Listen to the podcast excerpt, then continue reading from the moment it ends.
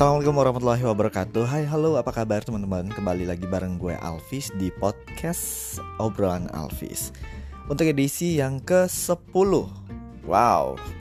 10 dari 9 ke 10 kayaknya tidak terlalu jauh jaraknya. Mungkin uh, kisaran 2 minggu lah ya. Dan saya yakin teman-teman semua Kondisi saat ini sedang uh, bekerja di rumah Atau uh, sedang mengisolasi diri lebih kurang dua minggu ke depan dan buat kalian yang sedang bekerja di rumah ya nikmati pekerjaan kalian selagi diberikan kesempatan untuk berkumpul bareng keluarga dan saya tentu berpikir bahwa bekerja di rumah itu memang tidak uh, segampang kita bekerja di kantor. Kenapa? Karena kita butuh banyak infrastruktur, butuh banyak alat-alat yang kita perlukan untuk menunjang kelancaran pekerjaan kita. Sementara kita bekerja di rumah uh, dalam kondisi yang tidak siap sebagian besar, ya kan? Hanya ada laptop, hanya ada wifi, dan kalau kalian yang bekerja membutuhkan data-data, uh, mungkin datanya terbackup dan dibawa ke rumah, tapi banyak juga yang tidak terbackup. Anyway, tidak masalah. Ini sebuah proses uh, dalam kehidupan kita bahwa saya juga dari uh, semenjak uh, lahir saya belum pernah merasakan kondisi yang seperti ini. COVID-19 memang uh, pandemik untuk kita semua di seluruh dunia dan kita berharap insya Allah ini akan segera berakhir. Nah, berbicara dengan COVID-19 ini, uh, saya lihat beberapa tayangan di Instagram uh, itu cukup miris ya. Banyak orang yang dengan santainya keluar rumah, dengan santainya jalan-jalan, dengan santainya berkumpul, nongkrong di suatu tempat. Padahal COVID-19 atau Corona ini bukan virus sembarangan. Memang uh, pemberitaan-pemberitaan atau cuitan-cuitan kita sebelumnya ya teman-teman kita itu menyatakan bahwa DBD itu tingkat kematiannya lebih tinggi loh daripada COVID. Iya emang. Uh, penyakit lain itu juga mengancam kita loh. Contoh jantung dan seterusnya. Memang betul. Tapi DBD dan lain-lain itu punya proses yang uh, bisa kita pantau ya kan? Tapi kalau covid karena penularannya melalui udara melalui cairan dan seterusnya itu juga riskan. Bahkan orang yang di dalam rumah pun mungkin bisa terpapar. Nah untuk kalian nih ya yang masih aja ngeyel yang masih aja menganggap COVID ini hal-hal yang lumrah, apalagi yang punya pemahaman. Wow, kita mati itu sudah ditentukan oleh Allah. Kita itu sudah ditentukan takdirnya oleh Tuhan. Ngapain takut sama COVID? Takut tuh sama Allah. Benar, takut sama Allah, ya kan? Tapi kalau kalian tidak berikhtiar, seperti banyak sekali nih video-video yang mengkritik hal-hal yang demikian itu. Kalau memang kita nggak berikhtiar ya mati ya mati konyol gitu loh. Kita sudah berusaha untuk menghindari covid dengan mengurung diri di rumah atau cuma stay di rumah saja ya kan? Terus kita sudah tidak berinteraksi secara dekat jaraknya dengan uh, apa namanya dengan tetangga atau dengan teman-teman kita minimal jarak satu meter. Um, kemudian kita sudah mengikuti anjuran dari pemerintah mengikuti anjuran dari dan saran dari dokter cuci tangan uh, sering kali untuk cuci tangan dan seterusnya. Tapi itu kenyataannya kita tetap terpapar. Nah itu baru ketentuan Allah. Sebelumnya kita apa? Ikhtiar. Ikhtiar untuk uh, menghindari diri dari corona ini. Bukan menyodorkan diri ke virus coronanya gitu. Terus kemudian buat yang uh, hobi olahraga nih. Berkali-kali teman-teman saya saya ingetin saya kasih saran please tolong jangan ke gym dulu karena gym itu sarangnya. Kenapa saya bilang sarangnya banyak orang yang nge-gym banyak orang yang gym masuk ke dalam uh, fitness center itu kalau protokolnya bener-bener bagus semua di screening dulu semua di sterilization dulu sebelum masuk ke pintu gym centernya it's okay ya Gym centernya menyediakan satu ruangan sterilisasi yang tekanan tekanan ruangan itu tekanan negatif, ya udah nggak masalah. Tapi permasalahannya, gym centernya tidak menyediakan itu ruangan ruangan sterilisasi yang bertekanan rendah. Ya kalau kamu masuk kamu hanya cuci tangan saja tapi semua alat di dalamnya itu sudah ada orang yang pakai sebelumnya tanpa disterilisasi ya sama aja bohong bro. Lu olahraga angkat beban dan seterusnya dan seterusnya. Tapi kalau di dalamnya itu sudah ada terkontaminasi virus lu juga kena jangan lantaran lu bilang iya saya nggak apa-apa kok saya aman insya Allah. Ya saya sehat kok. Iya lu sehat tapi keluar dari situ lu sebagai carrier atau pembawa dari virus itu oke imun lu bagus lu sehat. Tapi orang yang lu ada di dalam alat transportasi lu dalam MRT misalnya dalam uh, busway misalnya nempel tuh virus ya kan? Nah itu makanya saya tuh bawel ngingetin teman-teman saya tolong dong jangan datang ke gym dulu demi kebaikan lu dan orang lain. Masih aja ngeyel. Gue gak kepikir gitu teman-teman yang teman-teman saya yang saya um, peringatkan tiba-tiba terpapar kemudian jadi PDP ya kan? Dan lo harus runut tuh. Siapa aja yang pernah um, deket sama lo? Siapa aja yang pernah berinteraksi sama lo? Siapa saja yang pernah berjabat tangan dengan lo? Sampai ke sana mikirnya ya kan? Terus yang bikin heran adalah uh, masih banyak nih orang-orang tolol di luar sana yang ya masih jalan-jalan ke mall ya, yang masih syuting, ngumpulin banyak orang. nggak tahu deh, yang masih olahraga olahraganya di di di di tempat-tempat yang terindikasi lagi. Teman-teman, kalau kalian tetap pantau itu corona, perkembangan corona melalui laman web resmi pemerintah, kalian bakal lihat itu lokasi-lokasi yang zona merah. Lokasi-lokasi yang jadi tempat penyebaran pandemiknya itu gitu loh. Nah, kalian ada di situ. Coba deh berpikir. Egonya tuh diturunin dikit lah, ngalah dulu.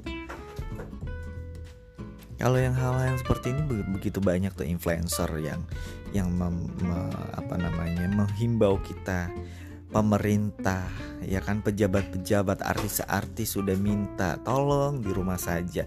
Bahkan ada artis yang sudah terkontaminasi yang terpapar virus itu yang positif kena COVID-19 menghimbau kita please tetap di rumah saja. Kalau nggak penting-penting jangan keluar. Tapi yang namanya orang ya yang punya pikiran yang entah dibuat dari apa nih otaknya Nyantai aja ya nongkrong di luar. Nyantai aja kopi ngopi di luar. Padahal anak bininya di rumah ketika dia pulang itu terancam terpapar. Jadi gimana dong? Ya udah, kita duduk manis di rumah, kita bekerja dari rumah, kita berkomunikasi dengan teman-teman ya dengan media sosial kita mau itu video conference dengan Zoom atau aplikasi-aplikasi lain ataupun mau uh, video conference dengan teman-teman kalian via WhatsApp call atau video video call gitu. Nah hal-hal yang seperti itu kan ada saatnya nih dunia ini uh, sepi gara-gara corona ini ya ya Tuhan juga sudah berkata bahwa yang akan me, me, men menjatuhkan kesombongan itu dengan hal-hal yang kecil. Gajah itu mati dengan uh, gigitan semut yang kecil. Perumpamaan seperti itu dan itu terjadi saat ini. Jadi buat kalian jangan sombong, jangan takabur. Seolah-olah sehat, kemudian bebasnya keluar rumah. Seolah-olah uh, mau memperlihatkan gue orang sehat dengan gaya hidup sehat. Jadi ya nggak masalah. Semua sudah di clear, sudah di sanitizer, sudah di disinfektan ya tempat gym saya jadi gym saya ini saya cuma masuk tuh kayaknya private gym saya aja yang ada di sana itu pernyataan tolol dan goblok ya saya nggak ngerti ya ini orang-orang punya pikiran seperti apa sampai ya hal-hal yang begini nih jadi um, jadi memperlihatkan tololnya gitu loh.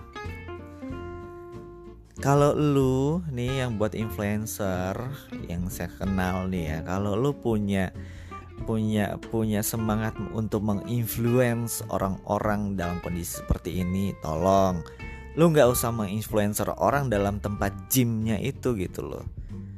Kecuali tempat gym lu tuh tempat gym pribadi lo kayak apa sih orang punya tempat gym pribadi dengan alat-alat yang lengkap dan bagus seperti itu? Tolong dong ya. Jangan norak jangan kayak orang eh, niat menginfluencer orang tapi ya akhirnya kelihatan tolol gitu temen mohon maaf nih saya akhirnya ngomongnya seperti ini karena memang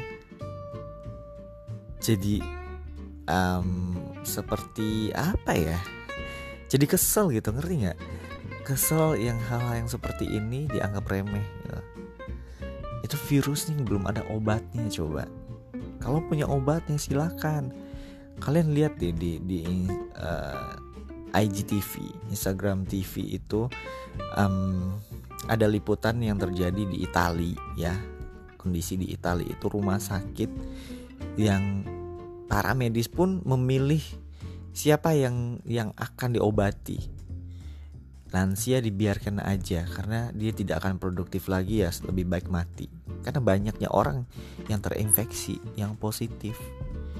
Gara-gara mereka tidak mendengarkan anjuran pemerintah dan orang-orang yang paham terhadap COVID-19 gitu jadi kalau kamu pribadi mau mendengarkan pemerintah berarti kamu sudah mendukung langkah penanganan COVID ini dari hal yang sederhana saja. Pemerintah tidak minta sumbangan ke kalian untuk membantu rumah sakit-rumah sakit rujukan ini untuk um, apa namanya memiliki alat yang yang cukup gitu loh.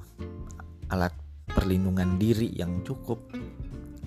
Buat kalian ketahui itu pemerintah punya rumah sakit ya, bukan hanya rumah sakit swasta saja mereka kekurangan alat pelindung diri untuk tenaga medis. Mereka kekurangan masker, mereka kekurangan sarung tangan. Kalian pikir dong. Ini yang buat para penimbun-penimbun nih ya. Buat apa sih kalian timbun-timbun semua segitu banyaknya alat-alat medis seperti itu ya, peralatan-peralatan perlindungan diri untuk medis seperti itu.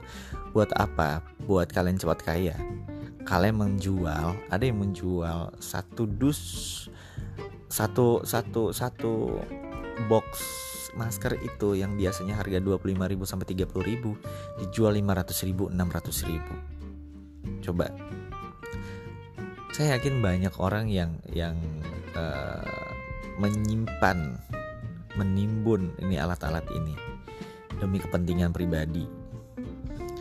Kalau masker itu maksimal kan dipakai oleh tim medis itu maksimal kalau nggak salah tuh 4 jam sampai 5 jam. Sarung tangan medis yang dari bahannya dari latex yang kemarin saya lihat dipakai oleh duta MPR yang duduk manis itu itu hanya boleh dipakai satu pasien satu sarung tangan selesai mengobati pasien selesai memeriksa pasien itu sarung tangan harus dibuang tidak bisa digunakan untuk pasien lainnya Kalian bayangkan itu masker N95 itu sangat langka saat ini. Even itu untuk rumah sakit sekalipun. Bayangkan tim dokter dia berani untuk menyodorkan dirinya untuk memeriksa pasien yang terinfeksi ya. Dengan dengan peralatan sederhana dengan alat pelindung diri yang sederhana 80% mereka terpapar pasti terpapar.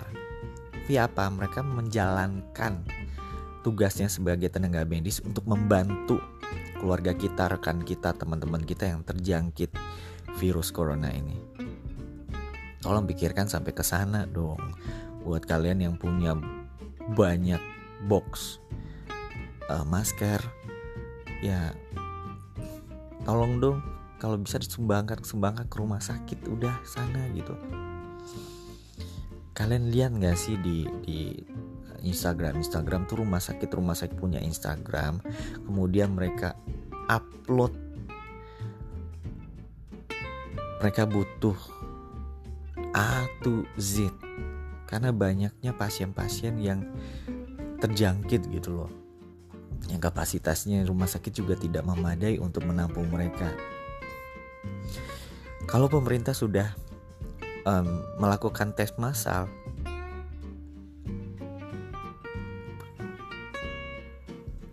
pasien yang terinfeksi itu akan puluhan lipat banyaknya dari yang sekarang. Kasusnya akan melonjak drastis. Masalah sekarang kalian tidak melakukan kita tidak melakukan uh, pemeriksaan dini terhadap uh, eh, COVID-19 ini. Tapi kalau sudah ketahuan bahwa mereka positif, tapi masih dalam status PDP, pasien dalam uh, perhatian, ya kan? Uh, kalian cuma diminta untuk mengisolasi diri di rumah, cuma itu untuk 14 hari kemudian. Kalau gejalanya masih gejala um, ringan, tapi sudah dalam uh, apa namanya ya mungkin sudah me mengindikasi bahwa dia terpapar. Belum parah-parah banget. Ya udah isolasi diri selama 14 hari di rumah. Tapi kalau sudah yang tergolong stadium lanjut ya udah mereka akan ter um, mereka akan dirujuk ke rumah sakit pemerintah khusus untuk penanganan corona yang mungkin ada di Kemayoran sana. Jadi teman-teman, bagaimanapun kondisi saat ini buat kalian juga, buat yang mendengarkan ini kalau didengerin, alhamdulillah kalau didengerin tolong berada di rumah saja, kerja dari rumah saja ya. Terus buat perusahaan-perusahaan yang barangkali ini ada pejabat-pejabat yang mendengarkan, tolong karya-karyanya kalau bisa di shift dua minggu di rumah, dua minggu di kantor ya. Kemudian untuk kalian yang bekerja, bekerja dalam artian uh, tidak bisa meninggalkan uh, tempat pekerjaan. Kalau naik kendaraan umum masing-masing, tolong kesadarannya jangan memaksakan diri untuk menumpuk dalam satu kendaraan umum, contoh KRL. Satu gerbong itu nggak ada bedanya dengan gerbong-gerbong sebelum wabah corona menjangkit. Ini nih penumpang-penumpang KRL ini memang penumpang-penumpang egois menurut saya. Mereka tidak memperhatikan anjuran pemerintah untuk satu, satu meter jaraknya. Itu kalau gerbongnya penuh ya udah jangan naik. Kemudian juga untuk penyedia jasa transportasi seperti komuter lain KAI. Tolong kapasitas um, armadanya dipertambah. Jangan dikurangin waktu operasionalnya armada Anda gitu loh. Kalau jam operasionalnya dikurangin kayak kemarin, penumpang Anda itu nggak berkurang, justru bertambah. Artinya mempercepat alur proses penularan. Kenapa? Karena mereka numpuk penumpang Anda itu numpuk gitu loh. Terus tambah lagi petugasnya ingetin setiap gerbong itu harus ada petugasnya minimal empat orang ya kan untuk mengatur penumpang ini kalau sudah penuh penuh dalam artian tidak berdesak-desakan tapi jaraknya sudah nggak terkontrol lagi satu penumpang dengan penumpang lainnya. Tolong ditutup pintu pintu keretanya gitu. Edukasi. Petugas-petugasnya diperbanyak. Jangan dibiarin saja. Ini memang kayaknya KAI ya memang sih beberapa waktu yang lalu tuh penuh banget tapi sekarang ya sudah gitu ini yang bisa kita lakukan. Jadi kesadaran kita masing-masing individu kita untuk menghadapi mencegah COVID-19 ini agar tidak menyebar lagi gitu. Ini memang sih episode ini ini um, saya cukup serius dalam uh, ngobrolin terkait dengan COVID-19 ini tapi ya saya himbau untuk kalian yang mendengarkan kembali untuk tetap berada di rumah, ya kan? Itu saja. Itu saja banyak yang bisa kita lakukan di rumah bekerja. Kalau punya kerjaan yang harus kerja di rumah atau minimal kalian tidur deh. Ya, rebahan buat kaum-kaum rebahan itu asik banget sudah. Kalau mau sediain cemilan untuk nonton drakor juga nggak apa-apa nonton YouTube juga nggak masalah ya kan?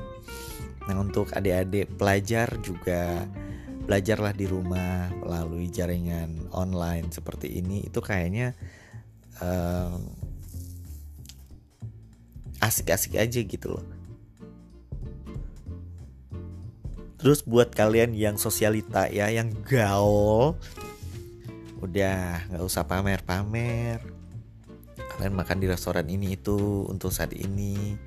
Ya mending di rumah saja. Buat kalian yang punya follower ribuan jutaan bikinlah konten-konten yang uh, menghimbau yang menginfluence pengikut kalian follow-follow kalian untuk tetap berada di rumah. Dengerin anjuran pemerintah. Udah. Itu satu langkah positif mendukung program pemerintah, mendukung pemerintah untuk melawan semua ini, termasuk meringankan para tim medis yang bekerja di rumah sakit, rumah sakit yang kelebihan pasien, ya. Mereka mungkin tidak pulang, mereka mungkin tidak sempat bahkan untuk mandi pun untuk mandi mereka nggak sempat gitu loh. Karena ini wabah ya luar biasa. Ya, mudah-mudahan ya kalian semua sehat ya, kita semua sehat. Covid yang udah pulang kampung aja hilang ditelan bumi, selesai uh, pandemi-pandemi seperti ini. Kita berharap uh, semua kembali normal dan situasi menjadi uh, normal kembali ya. Oke, terima kasih sudah mendengarkan obrolan saya ini, bacotan saya ini. Insya Allah bermanfaat ya. Kalau yang merasa tersinggung, saya mohon maaf banget ya. Bukan kenapa-napa ya, karena kesel dan sebel aja sih.